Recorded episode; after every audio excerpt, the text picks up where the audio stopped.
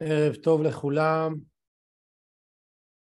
תודה שהצטרפתם אלינו שוב לוובינר של איקיגאי. היום אנחנו מארחים את נדב גולדמן. עכשיו תסתכלו על התמונה פה של נדב, זאת התמונה של נדב כי הוא יודע מה הוא הולך לדבר. לנדב יש הרבה חששות בקשר למצב האינפלציוני בכלכלה האמריקנית ובכלל האירופית גם, וזה גורם לו להיות מאוד מוטרד. אז אתם תראו עם חיוך כזה אחרי השידור, נכון נדב? בדיוק. אז נדב הוא מומחה במסחר באופציות למעלה מ-15 שנה, ניהל בעברו קרן גידור ואיש הייטק שמתמחה ב-AI. אגב הדמות פה שאתם רואים זה לא נדב בעצמו, זאת דמות שהוא יצר באמצעות AI אבל זה מבוסס על הדמות המקורית. זה נכון? או טוב זה בערך. אתה די מדייק, ניסיתי ניסיון, אבל הוא יצא די עצוב הניסיון. טוב, אני בכל מקרה, עכשיו אני מסתכל על התמונה שלי במצגת, גם היא לא כזאת עם חיוך מדהים, אבל תראו, בדרך כלל אני מחייך. אתם יודעים שאתה תמים ובור, אז אתה יכול לחייך. אנשים כמוך, יש להם את הידע הזה שגורם להם להיות מוטרד ועצוב קצת, אבל אתה כבר מחייך. כן, כן. בכל מקרה... אתה גורם לי לחייך וזה טוב. מי שלא מכיר אותנו, איקיגאי, אנחנו פמילי אופיס ללקוחות כשירים וגם בית השקעות שמנגיש השקעות איכותיות לכשירים גם לפעמים לאוכלוסיות לא כשירות, זה אחד מהדברים שאנחנו מנסים לקדם נגישות למכשירים איכותיים. ההתמחות שלנו בפמילי אופיס פעילות בינלאומית, גם עסקית,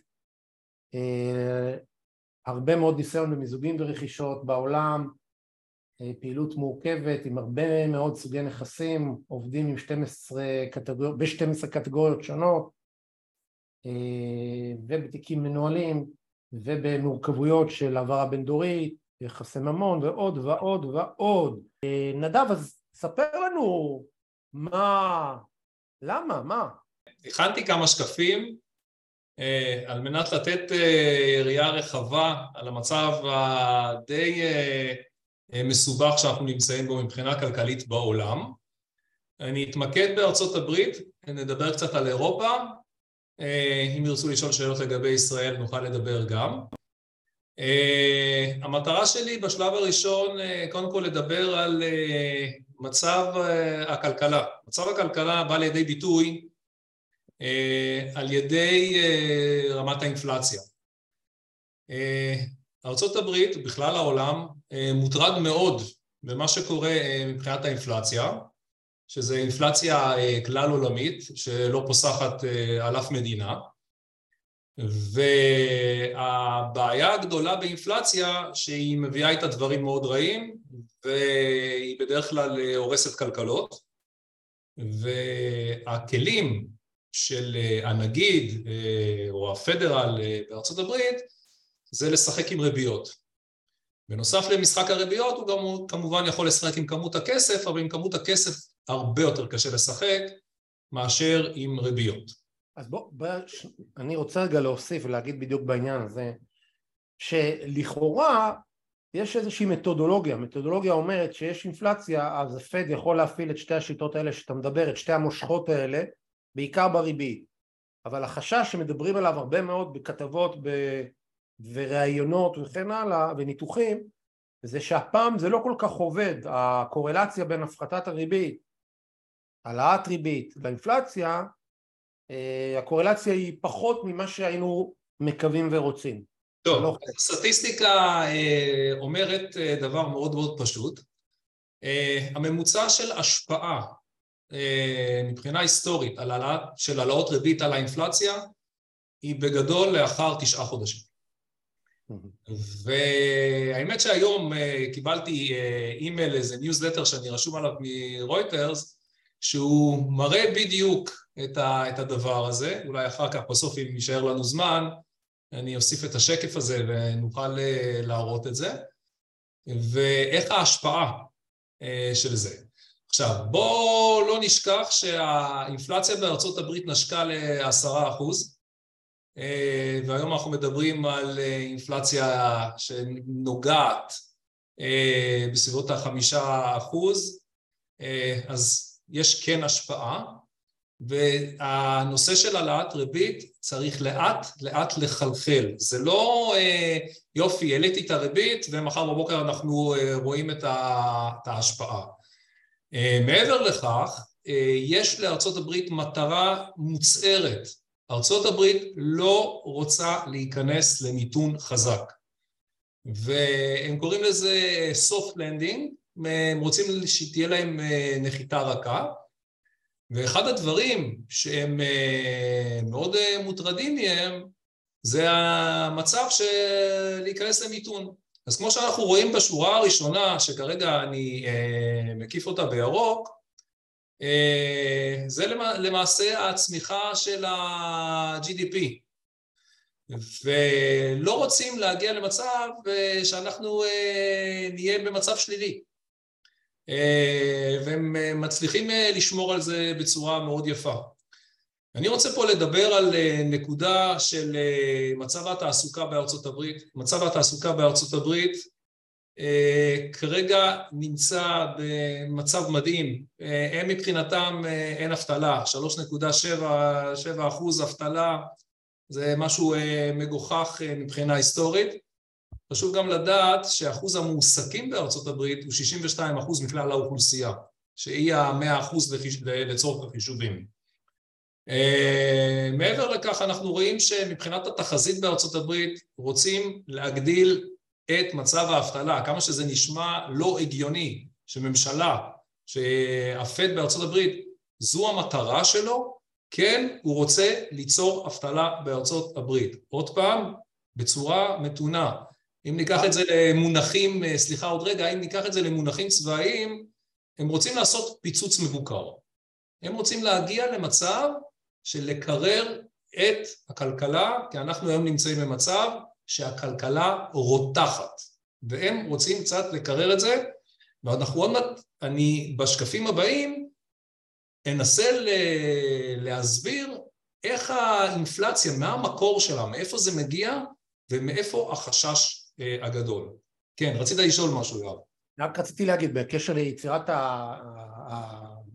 האבטלה, להעלות את שיעור הלא מועסקים, או מחפשי עבודה וכן הלאה, אני חושב שזה בעיקר מלמד על ההצלחה של קירור הכלכלה. לא שזאת מטרה בפני עצמו, זה מטרה בפני עצמה, אלא שזה אמצעי להגיע לאותה קירור, לאותו קירור, נכון?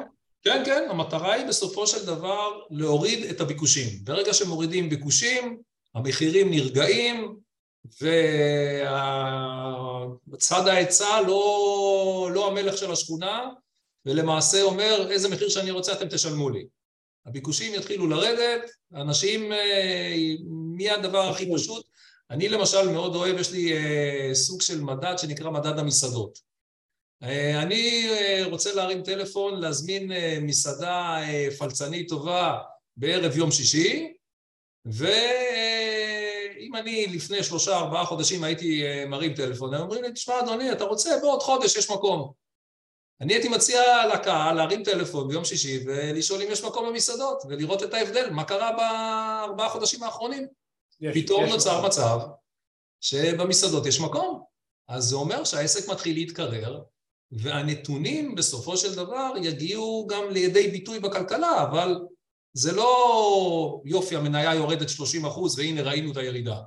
יש פה תהליכים, תהליכים, שפה זה משחק מאוד מאוד עדין, וכמו שהפד מודה היום שהוא באיחור התחיל להעלות את הריבית, והוא לא זיהה את המומנטום ואת כל הכיוונים, אז uh, עכשיו הוא ייקח לו קצת יותר זמן uh, לבוא ולראות את ההשפעה של באמת העלאת הריבית. עכשיו, uh, המלבן הכתום צהוב הוא למעשה uh, בא ואומר uh, מה תהיה, מה הצפי של ה Federal, מתי הוא יתחיל להוריד את הריבית.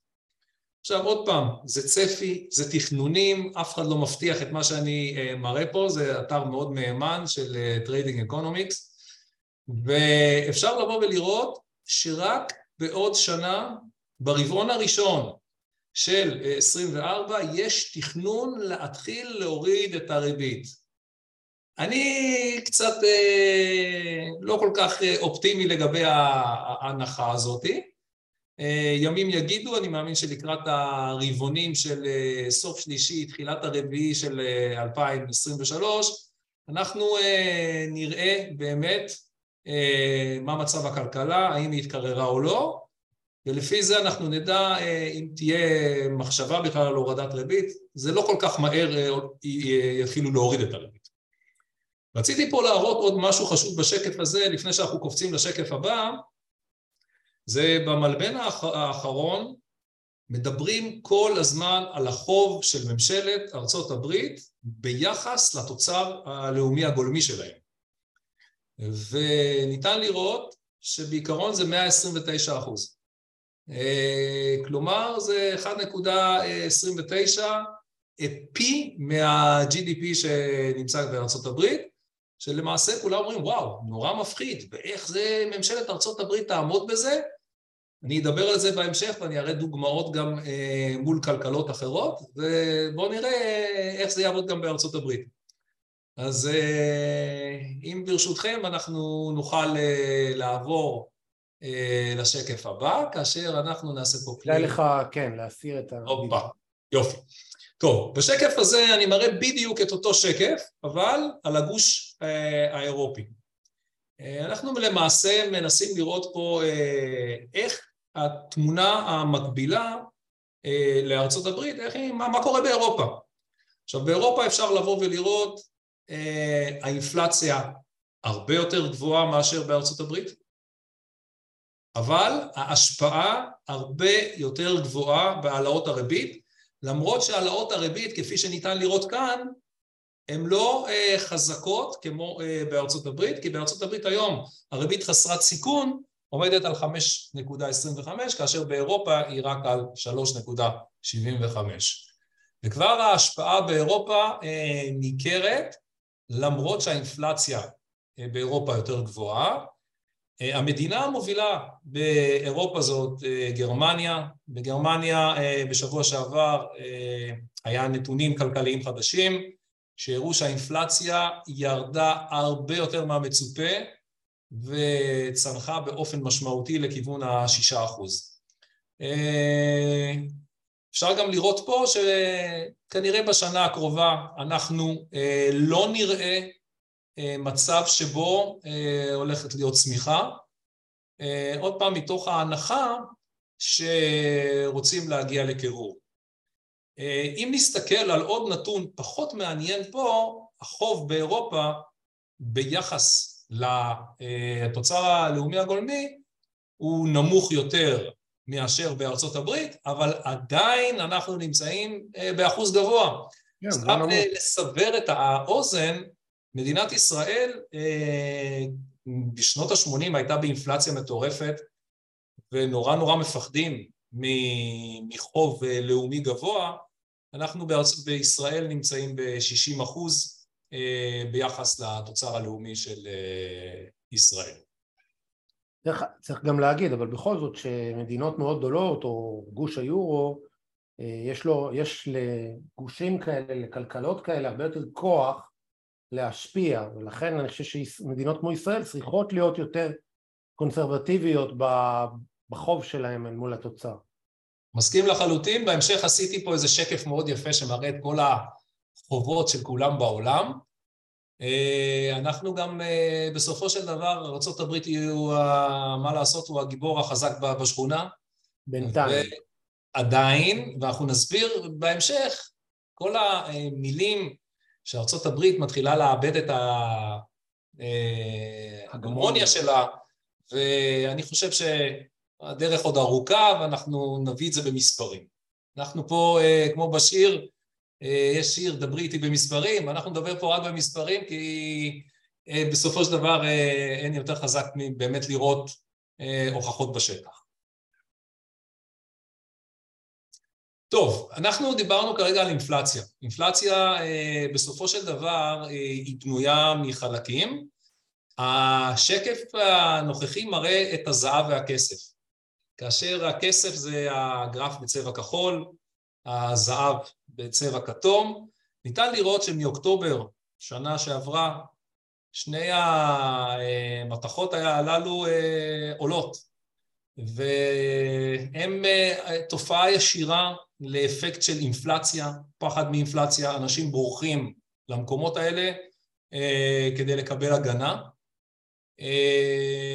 ואפשר לראות את זה שזה מתחיל בתקופה האחרונה, הסיפור הזה מתחיל להירגע. כאשר נעבור לשקף הבא, אני אראה את מחירי הסחורות ונדבר אז בדיוק מה קורה באינפלציה, מה, איפה אנחנו נמצאים. אז ככה, אני כרגע פה מראה מחירי סחורות של אורז, טירה, סויה. אפשר לראות שאם אנחנו מסתכלים בשנה האחרונה, כל מחירי הסחורות של החקלאות, לא, אין, אין שינוי, ואם יש שינוי הוא רק כלפי מטה, כי החיטה למשל, הגרף הכחול, הוא כלפי מטה, כאשר שאר הטירה, הסויה, הם די יציבים. אז נשאלת השאלה, אם הגורמים הבסיסיים הגולמיים האלה, שהם משפיעים על הכלכלה, למה הם יציבים? אז למה יש לנו פתאום אינפלציה? שזה דבר מאוד מעניין, כי אם אנחנו הולכים היום לסופר ואני רוצה ללכת לקנות משהו, הוא אמור להיות מושפע ממחיר הסחורות. אז למה יש עליות מחירים? אז באים ואומרים, טוב, יש עליות מחירים, כנראה התובלה, מחירי התובלה עלו. אז נדבר עוד מעט על שקף שיראה את מחירי התובלה בעולם, ואז אנחנו נתוודע לדברים, ש... לדברים שמראים אחרת. אז מה שרציתי להראות פה, שכחלק מהאינפלציה, אנחנו נמצאים פה בבעיה, כי אין באמת אינפלציה במחיר, במוצרים הגולמיים, במחירי הסחורות. אם נלך גם לנפט, אנחנו גם שם נראה, אם נעבור לשקף הבא, השקף הזה זה מחיר הנפט. תראו, מחיר הנפט, אם נסתכל בשנה האחרונה, נמצא בירידה. אז איך יש לנו אינפלציה? גם הנפט יורד, גם מחירי הסחורות של החקלאות יורדים, אז נשאלת השאלה, מאיפה מגיעה האינפלציה שמטרללת את כל העולם? אז נמשיך לשקף הבא, ופה אנחנו נראה את מחירי התובלה היומית, היבשה, שזה דבר מאוד מעניין, כי גם מחירי התובלה מאוד יציבים ואפילו ירדו באופן דרמטי. מהשיאים של תקופת הקורונה בוודאי, כן. נכון, אז אם אנחנו היום נמצאים בנקודה כזאת, שמחירי התובלה, השילוח אין, הוא לא, הוא לא משתנה, המחירי הסחורות הגולמיים של החקלאות קבועים, הנפט כל הזמן יורד, אז מאיפה מגיעה האינפלציה? וכאן אנחנו נמצאים בנקודה הכי מפחידה מבחינת המדינות בעולם, ואני מסתכל כרגע על הפד בארצות הברית. הפד משתגע, כי הוא בא ואומר, אני רואה את כל התמונה, ועדיין האינפלציה כל הזמן רוצה להרים ראש. ויש פה מצב שהוא משחק פסיכולוגי מטורף, שעליית מחירים, שהולכת ומתפתחת ללא שליטה. ופה זה נקודה שהוא אסור לו למצמץ בכל מה שקשור מבחינת עליות הריבית. וזו נקודה מאוד מאוד קריטית לכלכלות בעולם, וזה גם ישפיע באופן ישיר על אה, מחירי המניות ובכלל על הכלכלה, על צמיחה אה, וכל היוצא בזה. טוב, אנחנו כרגע אה, נמצאים, אה, אני רוצה לדבר קצת על החוב של ממשלת ארצות הברית. מה זה, מה, ועל דבר שנקרא מאזן שלילי במסחר של מדינות. בשקף הבא, כמו שהבטחתי מקודם, אם אנחנו, הופה, לא, כן, אנחנו פה אה, מראים כל מדינה, מה המאזן שלה מבחינת המסחר. אז אם אנחנו ניקח את הברית נשאיר לסוף רגע. אנחנו ניקח פה את אה, מדינות אירופה, אנחנו נראה שאנחנו נמצאים במאזן אה, מאוד חיובי. כמובן ניקח את סין, שהמאזן שלה אה, נפלא והיא גורמת לייצוא גבוה, כמובן סינגפור, ואז ניקח את שתי המדינות הבעייתיות, ארצות הברית, שיש לה מאזן שלילי, שגדל משנה לשנה, מאזן שלילי, כדי בואו בוא, נאמר את זה, אנחנו יותר מייבאים מאשר מייצאים. וכנ"ל אינדיה, שזה הודו, שגם שם חשבו שזו מדינה שדווקא מייצאת, ודווקא היא היום יותר מייבאת מאשר מייצאת. זאת נקודה שארצות הברית, אני בכוונה רוצה לקחת פה את ארצות הברית, ארצות הברית קונה מהעולם. וזו המטרה של השקף, ארצות הברית היא הגורם שקונה מהעולם דברים. בואו נמשיך, תמשיך איתי בבקשה לשקף הבא. אני רק פה אוריד את כל הסימונים.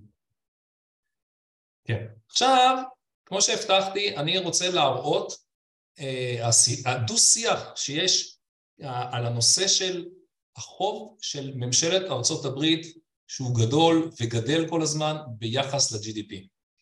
אז בכוונה לקחתי פה uh, את המדינות המעניינות מה-G20, כאשר אני מסתכל על הגוש היורו, אני מסתכל על גרמניה, ויש לנו את יפן ואת ארצות הברית. אז אם אנחנו מסתכלים על גרמניה, היא מאוד דומה לישראל מבחינת החוב שלה, היורו גבוה, ואז תסתכלו פה, יש לנו את יפן. החוב של יפן הוא פי, יותר מפי שתיים וחצי מהתוצר הלאומי הגולמי של המדינה. אי אפשר לבוא ולומר שיפן מדינה מסכנה, אי אפשר לבוא ולומר שיפן מדינה שהולכת להיכחד מהעולם, והיא עדיין גורם, איך אומרים, שחקן מאוד מאוד משמעותי בכל הכלכלה אה, בעולם. ראוי לציין פה שיש פה איזה נושא מסוים בבורסה ביפן, שהרוב ההחזקות נמצאות על ידי הממשלה מעל 75 אחוז, שזה נושא אחר לשיחה שלא עליו כרגע אני מדבר, אבל מה שרציתי להראות פה, יופי, מדברים על החוב של, מדינה, של ארצות הברית, בואו נרגיע, ארצות הברית יכולה להעלות את החוב, היא יכולה להדפיס כסף, והרבה מאוד גורמים בעולם יבואו ויקנו את האג"חים שלה והדולר הוא הג'וקר של העולם לעת עתה וכנראה לעוד הרבה מאוד זמן, כי בשקפים הבאים אני אראה עוד משהו שהוא השוס הגדול, ש, שמראה כמה ארצות הברית היא חזקה, גדולה, והיא שולטת בעניינים.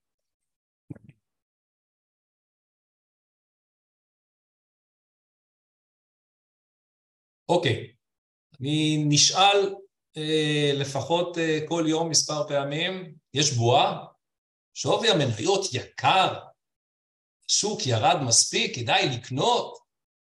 וואו, אנחנו מפחדים שקיים פחד בשווקים. אז אנחנו נדבר על זה, ושוב אנחנו נדבר פה על נתונים נטו מהשטח, ממקצוענים שהם יודעים לתמחר סיכון. מאוד חשוב להבין אנחנו פה מתמחרים סיכון. אני לא יודע אם זה יעלה, אני לא יודע אם זה ירד, אבל מתמחרים סיכון. אחד הדברים, לפני שאנחנו עוברים לשלב הבא, אה, אתה הראת שקף שהריבית בארצות הברית לעשר שנים היא 3.7 אחוז. התשואה על האג"ח, כן, התשואה על האג"ח. דומה לריבית.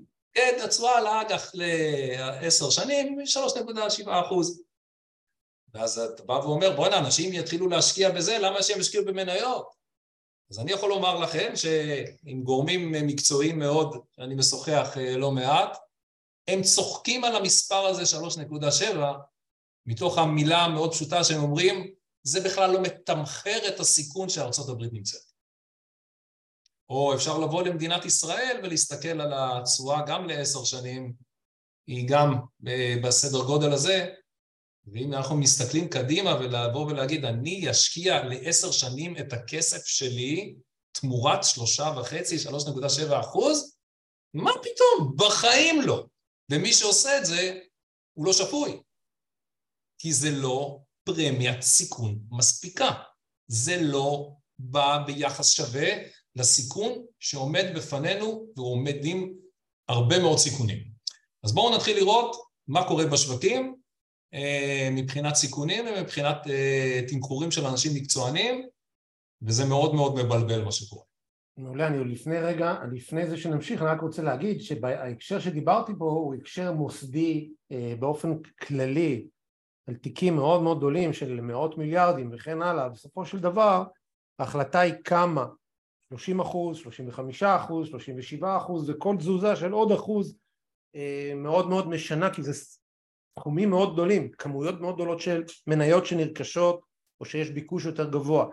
בסביבה כזאת של 3.7 כמובן שזה לא מתמחר את הסיכון אבל בסביבה כזאת עדיין אין מספיק סיבה אה, להגדיל מעבר לטרשולד מסוים את ההחזקה במניות אה, לדעתי ההקשר של החישוב התחשיב של סיכון האם הוא מתגלם או לא מתגלם זה, זה נושא נוסף, נושא אחר יותר עמוק לדעתי בוא נמשיך כן, גם אני מסכים איתך גם בסופו של דבר אה, סיכון, אה, אתה יודע, אתה מסתכל, אני יכול לבוא, לבוא ויציעו לי השקעה ויגידו לי, תראה, ההשקעה הזאת היא נחשבת מסוכנת הרבה יותר מהשקעה אחרת.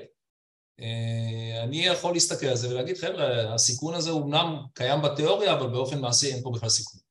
ופה זה המשחק בסופו של דבר בהשקעות, אנחנו רוצים בהשקעות להשיג תשואה כמה שיותר גבוהה מול הסיכון הנמוך שאנחנו רוצים להיות בו כל הזמן. בשקף הזה אה, אני הגעתי אליו בעקבות אה, אה, שיחה עם מנהל אחד הקרנות שאני משקיע בהן, והוא הביע דאגה מאוד גדולה לגבי מה שקורה בארצות הברית. הדאגה שלו הייתה, חבר'ה, תסתכלו, אם נסתכל על המשברים הגדולים שהיו בעבר, שזה בשנות האלפיים ו-2007, אנחנו רוצים לראות את סך שווי כל המניות שנסחרות בבורסה כנגד או מול התוצר הלאומי הגולמי בארצות הברית. וניתן לראות שה... אה, המקווקו פה זה בעיקרון הממוצע, כי אנחנו רוצים להיות על 100 שזה בא ואומר אנחנו שווי ערך. בשני המשברים הגדולים שהיו בתקופות שלנו בעבר, בשנות האלפיים ושנת 2008, אנחנו רואים שבעיקרון הערך בשוק המניות היה אה, יותר גבוה מהתוצר הלאומי הגולמי, והדבר המעניין שמ-2012 אנחנו צפונה עולים, עולים, עולים, עולים. התנתקנו.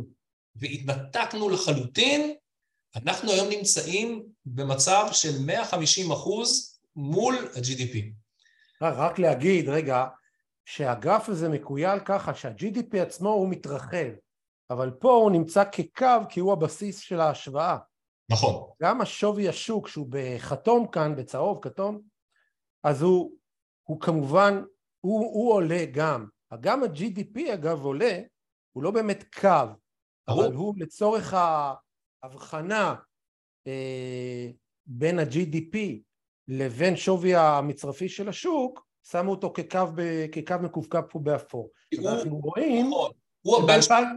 שמאז 2012-2013 כאילו מתפתחת מעין בועה בהקשר של ההסתכלות הזאת, של נכון. ההשוואה בין מחיר האגרגט, המחיר המצרפי של כל המניות הנסחרות בשוק אמריקני, אל מול ה-GDP האמריקני יש פער מאוד מאוד גדול.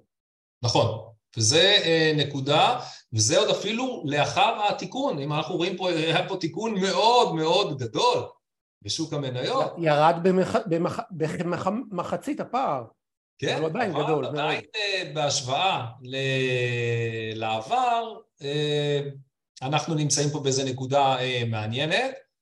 אה, נשאלת, אפשר לבוא ולפרש את זה בהרבה מצבים שלמשל אה, אני יכול לחשוב שעולם הפנסיות מאוד מאוד אה, השתנה לאורך השנים ופתאום נוצר מצב שצריך להשקיע את כספי הפנסיות ושאנשים מפרישים כל חודש בחודשו ואין להם איפה להשקיע את זה, אז הם משקיעים את זה בשוק המניות, ושוק המניות עולה. אז זה, זה, זה, זה אפשרות, יש כמובן עוד מקורות השקעה בהרבה דברים אחרים, אבל אה, בסופו של דבר יש הרבה מאוד אה, אה, מגבלות גם לקרנות הפנסיה, איפה הן יכולות להשקיע.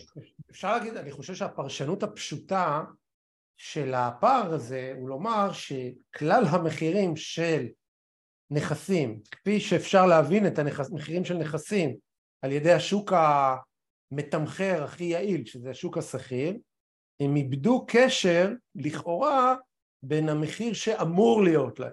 זה לכאורה כן. העניין. אז אם נעבור לשקף הבא, אני יכול להראות משהו אה, שהוא שקף מאוד דומה, כן.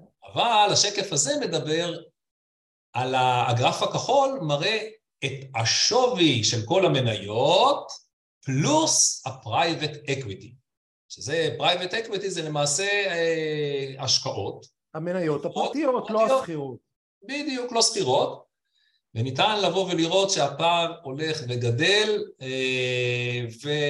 אבל אה, אנחנו נמצאים היום בנקודה אה, מאוד מעניינת לעומת מה שהיה בהיסטוריה. ימים יגידו, אין לי פה דעה, אני פשוט מראה מה אנשים אחרים חושבים, כי אחד הדברים שאותי מעניין בסדר קבלת החלטות זה לשמוע מה אחרים חושבים.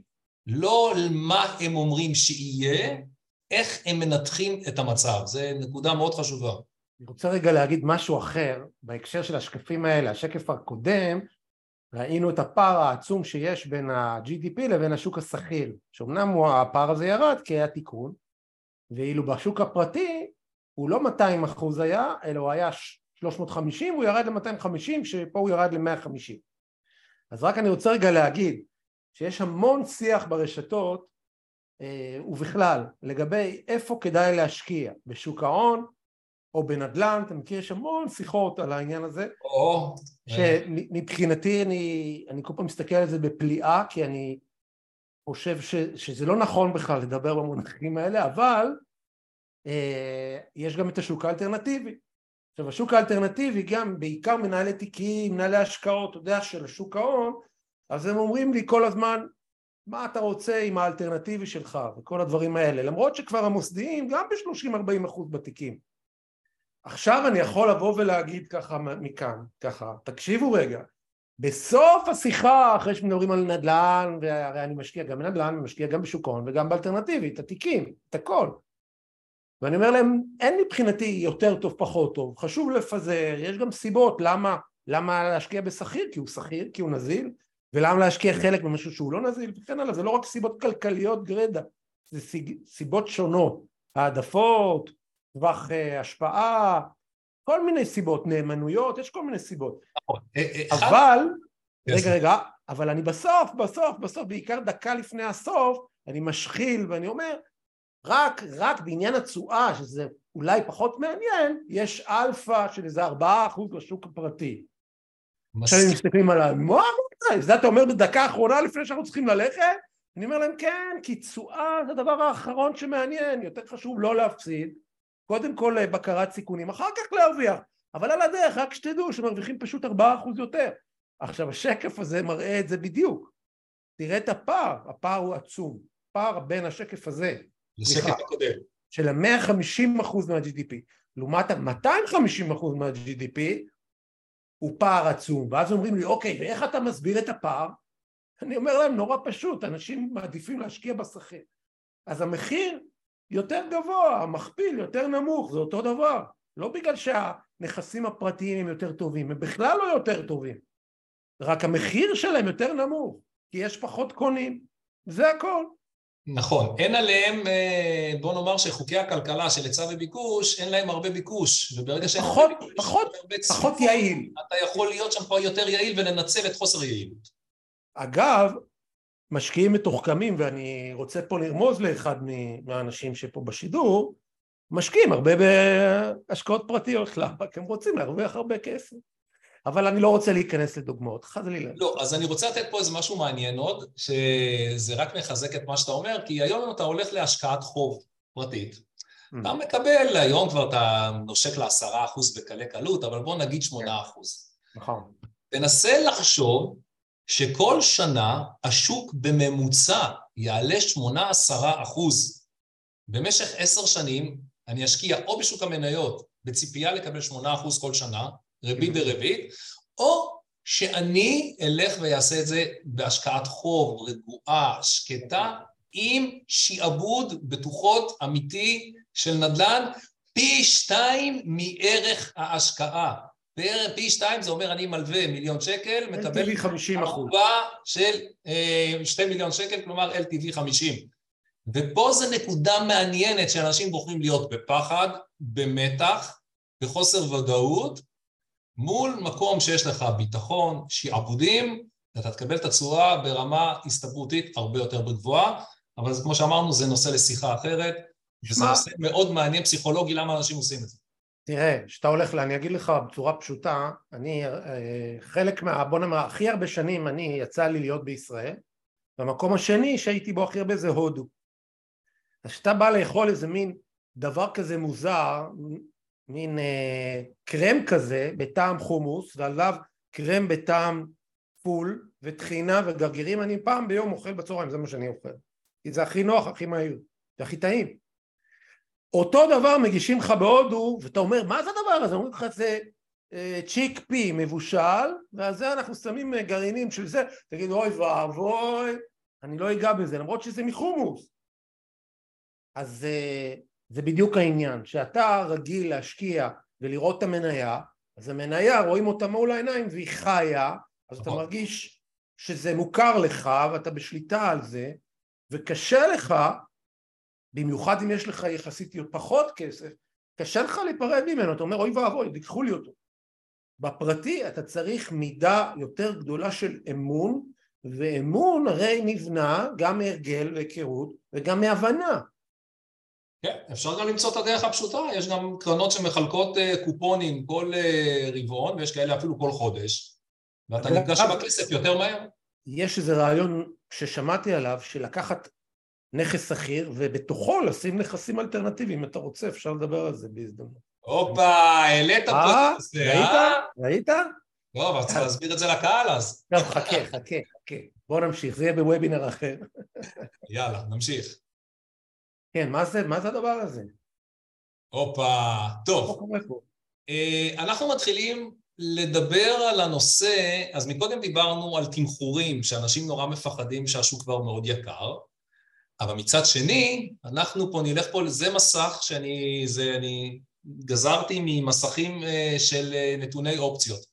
אז רקע קטן, יש דבר שאני, מושג שנקרא IV, שזה קיצור של Implied Volatility. Implied Volatility זה למעשה הסטיית תקן הגלומה במחירי האופציות. מחיר האופציה בנוי ממספר פרמטרים שלא ניכנס לשם, אבל סטיית התקן זה הפרמיית הסיכון שכותב האופציה רוצה לקבל בגין כתיבת האופציה. במילים אחרות, אנחנו פה נראה, יש לנו פה אה, שלוש שורות, כשהשורה הראשונה זה ה-IV, הסטיית תקן הגלומה במחירי אה, המדד S&P 500, שזה 14.3 אחוז. זה מאוד מאוד מאוד נמוך, זה דומה ל-IV, ל-VX שאתה דיברת עליו. מצד שני, בשורה התחתונה, אנחנו רואים IV של 20 אחוז על מדד הנסדק, שמטבעו הוא יותר וולטילי, יותר עם סטיית תקן, ובשורה האמצעית אנחנו מדברים על אג"ח ארצות הברית 20 שנה. העיגולים בצד ימין. אלה עיגולים שבאים ואומרים מה הסטיית תקן ביחס לשנה האחרונה. אם אנחנו נסתכל למשל בשורה האחרונה בנסדק, אנחנו נראה שה-IV הוא במקום, הוא עשרה אחוז, הוא אחד עשרה אחוז מה-IV הגבוה שהיה בשנה האחרונה. במילים אחרות, אנחנו נמצאים בסטיות תקן מאוד מאוד נמוכות. משמע, אנחנו נמצאים בנקודה שלא מתמחרים פחד, או שאין פחד, שכל אחד יפרש את זה איך שהוא רוצה. אנחנו, הפחד היום לא קיים בשווקים. לטוב, לרע, נכון, לא נכון, אני לא יודע. אין אבל פחד. אין פחד, אני לא חושב שהכלכלות נמצאות במקום שאנחנו לא צריכים לפחד מהן. וזה הנקודה שאני מנסה להעלות כאן. זאת אומרת, אתה אומר, צריך, אתה חושב שאמור להיות פחד יותר משמעותי. אמור להיות פחד, אני יודע, אני, אני גם אומר, אני משיחות שאני מנהל עם אנשים אה, פשוט מקצוענים שהם מנהלים נוסטרואים, ואני יודע שהם חוששים מהסטיות התקן הנמוכות, הם פשוט לא, לא מבינים את התמחורים שיש, כי הם מראים שאין פחד בשווקים, אפשר לבוא ולראות את זה גם על, אה, על מדד ה-S&P 500, הוא רק יורד, הוא ישר עולה. הוא לא, הוא לא אני... מגיע לנקודה ש, אה, ש, שמרעידה אה, וגורמת לפחד בקרב המשקיעים. אני, רוצ, אני רוצה להציע פה איזה סברה, או הערכה שלי למה זה קורה, ולמה הפעם התיקון או המשבר, או איך שתקרא לזה, לא בדיוק משבר, כן, אבל חצי משבר, מה שיש עכשיו, אינפלציה וכן כי לדעתי יש ביקוש כבוש. הביקוש הזה נמצא בהרבה מאוד מזומן שיושב בתיקים. התיקים מלאים במזומן. מזומן יכול להיות גם פיקדון יומי, או אתה יודע, כל מיני קרנות מטבעיות, לא משנה איך נקרא לזה, זה מזומן. משהו שאתה יכול לשחרר באותו יום, או יום למחרת, אולי תוך שלושה ימים, וואטאבר. והדבר הזה, במיוחד אצל המוסדיים, התכונה,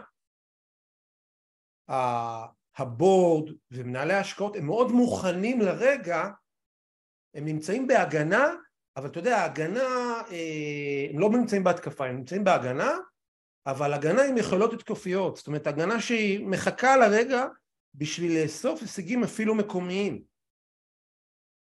זה מה שאני... זה מה שאני... קטונתי, אני לא יודע. אני אומר לך, זה, תראה, קודם כל זה מה שאני חווה בעצמי עם התיקים. אבל, וזה תמיד משפיע, מה שאתה חושב, אבל גם, אני אגיד לך, פשוט הצטבר בקורונה כל כך הרבה כסף, אצל כל כך מעט אנשים, אצל כל כך הרבה גופים ומשפחות עושר וחברות גדולות, שיש להם כרית מזומן מאוד גדולה, וברגע שמתחילה להיווצר הזדמנות היא מיד נסגרת. אז אני חושב שהצד שה, השני של זה, זה אותן סטיות תקן קטנות, אבל זו רק השערה שלי, גם אי אפשר להוכיח את זה כמובן. תראה, בסופו של דבר, מי שכותב את האופציות זה, בוא נאמר שאם אנחנו מסתכלים על המוצרים הפיננסיים שקיימים בעולם, אופציות זה הנקודה המתוחכמת ביותר בנגזרים.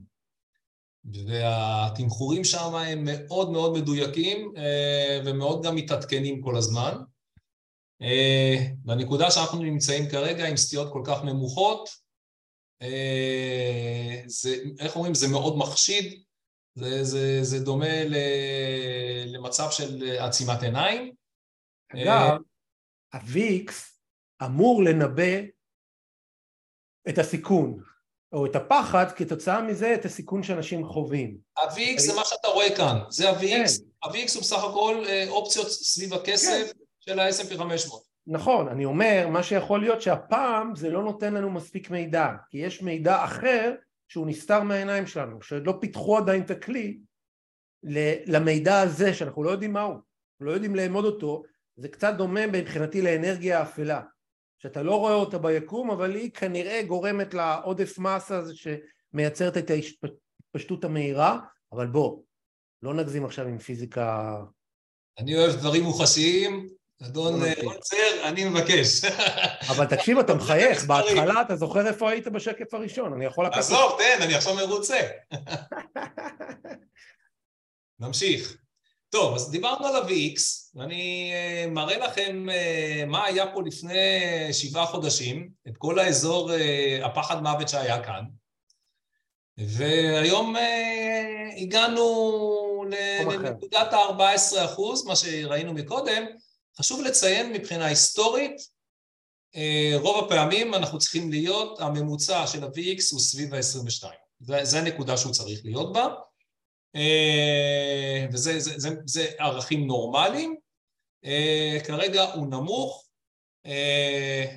אולי מצפים שהשוק הולך לעוף למעלה, זה, אבל זה די מחשיד כרגע בנקודה הזאת. חשוב עוד פעם לציין, שוק המניות תמיד תמיד מקדים את הכלכלה האמיתית. ויכול להיות שזה סימן שביום שיראו את האינפלציה מתחילה להירגע, עם VX נמוך, אנחנו יכולים להגיע לעליות מאוד מאוד חזקות ולשינויים מאוד דרמטיים כלפי מעלה. אני אגב, שוב, מהמקום התחושתי, גם אני מסכים שברגע שתהיה תזוזה היא עשויה להיות מאוד מאוד חזקה ויחסית מהירה. היא, היא תהיה מהירה, זה בוודאות זה תמיד היה. תשואות אג"ח תמחור סיכון. אוקיי, אני לא מצליח, או, הצלחתי.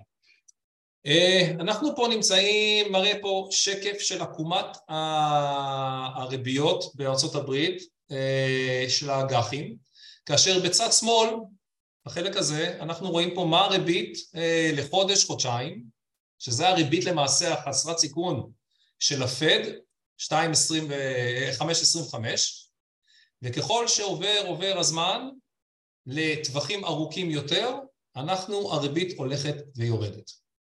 כאשר, כמו שאתה ציינת מקודם, ריבית של עשרה אחוז, של אה, עשר שנים שעומדת על שלוש נקודה שבע, ולאחר מכן התחזית לשנים הרחוקות יותר, של שלושים שנה, מה שציירתי פה בעיגול אה, אדום, עוד פעם, בדעה שאני שומע כל הזמן, להשקיע בארצות הברית היום, לשלושים שנה, בסיכון של ארצות הברית, שכל הזמן אומרים שיש לו סיכון כל כך גדול, ולקבל תמורת זה 4 אחוז, 3.9 אחוז, לא הגיוני. לא הגיוני, לא, לא, לא מסבר את האוזן בשום, בשום צורה. קצת להשכלה כללית, אנחנו רואים פה עקום תשואה אה, הפוך. זה הכל היה צריך להיות, עקום תשואה נורמלי, ובכלכלה בריאה נראה בצורה כזאת. לא, לא כלפי מטה, סליחה, אה, פשוט אה, בצורה כזאתי. ואנחנו נמצאים בעקום אה, הפוך, עקום הפוך הוא סימנים מאוד מובהקים מבחינה היסטורית לנושא של מיתון, אבל עוד פעם רוצים להשיג נחיתה רכה, מיתון רך, וכדי להרגיע את המצב. אני אגיד עוד פעם, זה גם קשור מה שדיברנו על הוויקס וגם קשור לעקום הזה. אנחנו משתמשים כאנשי, אה, אה, בוא נגיד אנשי כלכלה, אני לא כלכלן, אבל אנשים שמתעסקים בכלכלה, מנתחים, חושבים, מתעסקים בהשקעות, בריביות, אנחנו כל הזמן משתמשים בכלים שיש לנו, וזה הגיוני, שיש לך קרת קורנפלקס, אתה, מתעסק, אתה משתמש בכף, כי אתה רגיל להשתמש בכף, אבל היום האינפלציה לא, הקורלטיביות שלה שוב עם הריבית היא לא כמו שהייתה קודם, הסיכון נראה לא מתומחר היטב בשווקים, גם לא באג"חים, זאת אומרת זה שאנחנו רואים את העקום תשואה בנוי הפוך, אומר לנו שזה משפיע היסטורית, זה מראה, יש קורלציה גבוהה למיתון, אבל לא בטוח שזה מה שקורה כרגע. נכון, אני מסכים. וזה אומר עוד פעם שיכול להיות, ואני אגיד לך, זה נוגע לעוד נקודה, שאני מדבר הרבה פעמים בוובינרים הזה, יש איזו סברה ששוק ההון תמיד יעלה כי מ-1940, אני מדבר על שוק ההון האמריקאי, שהוא יעשה כך וכך, והרי כל הנושא של פרישה והשקעות פנסיונית, הכל בנוי על זה, אבל לא בטוח שמה שהיה הוא מה שיהיה. כן, גם בארץ חושבים שמחירי הנדל"ן כל הזמן יעלו, אבל בסדר, זו דעה ש... ימים יגידו. צריך לומר שצריך להגיד את זה, וזה אולי איזשהו נקודת, אה, נקודה למחשבה בעקבות הוובינר הזה, כי זה וובינר מאוד אה, מקצועי יחסית, שאנחנו אה, תמיד משתמשים, כולנו כבני אדם, משתמשים כמשקיעים, וגם בני אדם אפילו, יש אפילו משקיעים שהם גם בני אדם. אני אומר, אנחנו משקיעים, אנחנו משתמשים בכלים מסוימים, ורגילים שכלים מסוימים עוזרים לנו ומסייעים לנו להגיע להחלטות, אבל קחו בחשבון שיכול להיות שהכלים הנכונים כדי להבין מה קורה כרגע אינם נמצאים בכלל ברשותנו. לא תמיד אנחנו יודעים את הכל, יש תמיד גם איזה חלק שאנחנו לא יודעים, שאנחנו איננו יודעים אותו. אה, זהו, בואו נמשיך, בסך הכל זה קצת פילוסופיה, נחמד. זהו, עכשיו כתוב כללי, מה זה כללי? בוא נרד למטה, הבטחתי הבטחות אה, דברים מעניינים, אז בוא נראה. מה זה למטה? לאן, כמה נמוך אפשר לרדת? כן. טוב, רצינו להספיד את ארצות הברית, אז אנחנו, אה, יש לנו פה שקף. משתתף בצערם. שמראה את ה-GDP בעולם. כל מדינה, מה התוצר הלאומי הגולמי שלה. אז ראינו שהחוב ביפן הוא כל כך גבוה, ושימו לב, קודם כל איזה תוצר לאומי גולמי גדול יש להם, והם עדיין מדינה חזקה, ושלישית בגודלה מבחינת ה-GDP בעולם, והיא לא מסכנה למרות שיש לה חוב כזה גדול ומדפיסים שם הרבה כסף. אז זה אחד. שתיים, אה, שימו לב, יש פה משהו אחד שונה, יש פה את מניית אפל. מניית אפל שוויה בשוק 2.6 טריליון דולר. זה יותר מרוב, זה, אם אנחנו נסתכל על זה מבחינת ה-GDP העולמי, אם אנחנו נלך מתחת לצרפת, שזה בדיוק אותו גודל כמו כל התוצר הלאומי הגולמי בצרפת, שווה למניה אחת שנסחרת בבורסה בארצות הברית. חבר'ה, פרופורציות. ארצות הברית הוא הדוב הגדול, הוא המלך של השכונה, הכסף נמצא שם. אני שמעתי איזה משהו מאוד מצחיק, שסין הולכת להחליף אותה. אז אני לא רואה אף אחד שם את, את הכספים שלו מבחינה פיננסית בארצ... בסין, וסומך עליהם, ומשקיע אצלהם, ובוטח בהם. אני אישית לא יכול לראות בכלל אופציה כזאת בשנים הקרובות, אה, ואני לא רואה תחליף אחר לארצות הברית, ההגמוניה שיש להם, שהם שולטים בצורה שלא ניתנת בכלל לערער על זה, אבל אה, ימים יגידו מהבחינה הזאת, ארצות הברית היא מפלצת כלכלית שכל המדינות בעולם משקיעות בה, וכמה שרואים את סין שהיא מייצרת ויש לה תוצר לאומי כל כך גבוה, היא זאת שקונה בסופו של דבר את הכסף ש... מונפק בארצות הברית ומדפיסים. אני אגיד לך מה אני עושה, מאוד פשוט, משקיע הרבה בארצות הברית, משקיע הרבה בדולר וכולי, 20% מהתיק נמצא בגידור במטבעות אחרים לחלוטין.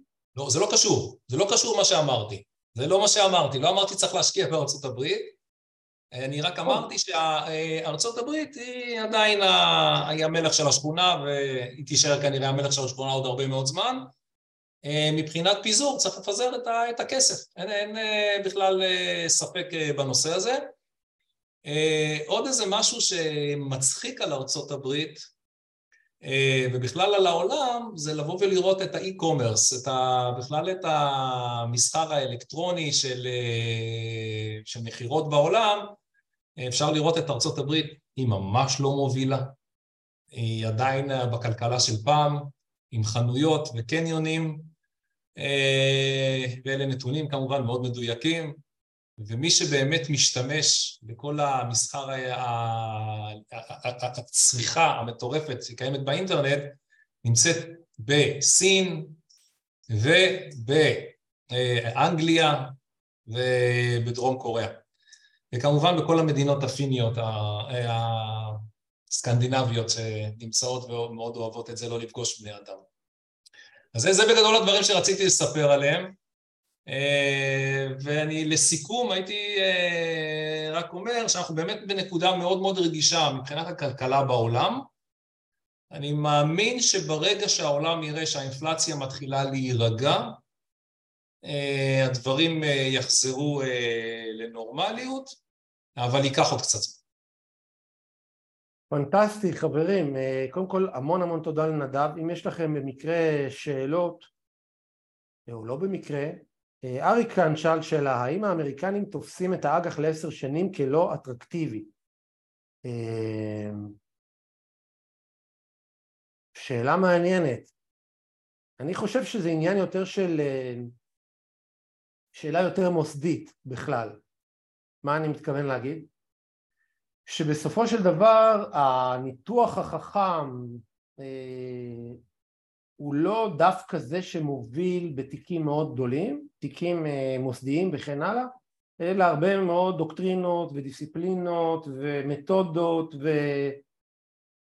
והרגלים של דירקטוריונים ושל אה, צוותי השקעה לכן אני חושב עדיין אין מה לעשות, הנכסים חסרי סיכון הם עדיין בבסיס המערכת ובבסיס התיקים גם אם הם לא מעריכים שזה תמחור מספיק גבוה.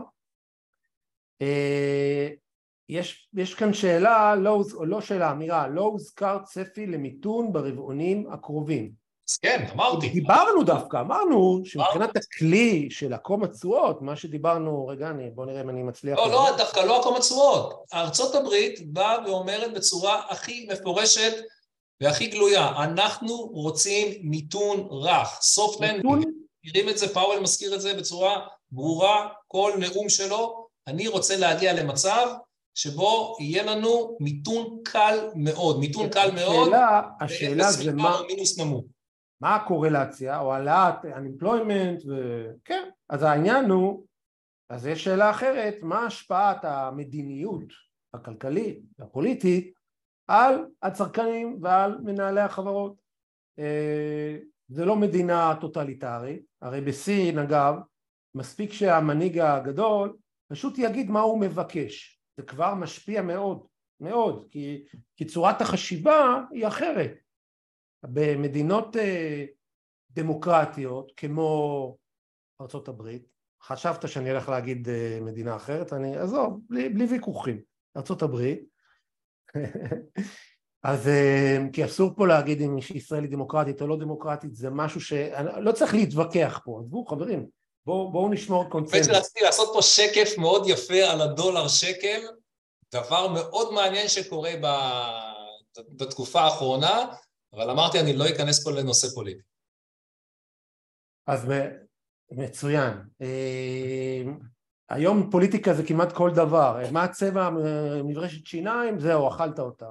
אה, אבל, אה, אבל כן דיברנו, יש רצון אמיתי מטעם הפד אליבא דנדב גולדמן, וכמובן אני גם מסכים, שיהיה מיתון, לא מיתון עמוק כזה כואב נוראי, אלא מיתון שככה כמה רבעונים יורגש, יהיה קצת לא נעים, אבל זה יקרר אז אה, ככל שהם יצליחו להגשים את המדיניות הכלכלית, אז זאת יהיה, זה יהיה המצב. כן, גם הם רוצים לראות, אחרי שהם גם ישיגו את זה, זה לא מחר בבוקר מתחילים להוריד את הריבית, הם רוצים שזה גם יישאר לאיזו תקופה מסוימת, שזה יהפוך להיות uh, סטנדרט. אנחנו, אני חושב שגם ראוי פה להגיד שאנחנו חווינו תקופה של ריבית מאוד מאוד נמוכה וריבית אפסית, משהו שהרגילו את האנשים למשהו רע מאוד, שערך הכסף לא שווה כלום. נכון. אז uh, אני מכיר אנשים שלקחו ושיעבדו את הקרנות uh, השתלמות שלהם, לקחו הלוואה והשקיעו במקום אחר, שזה רק כששמעתי את הרעיון הזה, נחרדתי כשכספי פנסיה הם משעבדים לטובת uh, השקעות, uh, אבל זה, זה משהו שהוא לא נורמלי והוא לא צריך להיות, ואינפלציה של 2-3% בשנה זה דבר בריא מאוד למשק.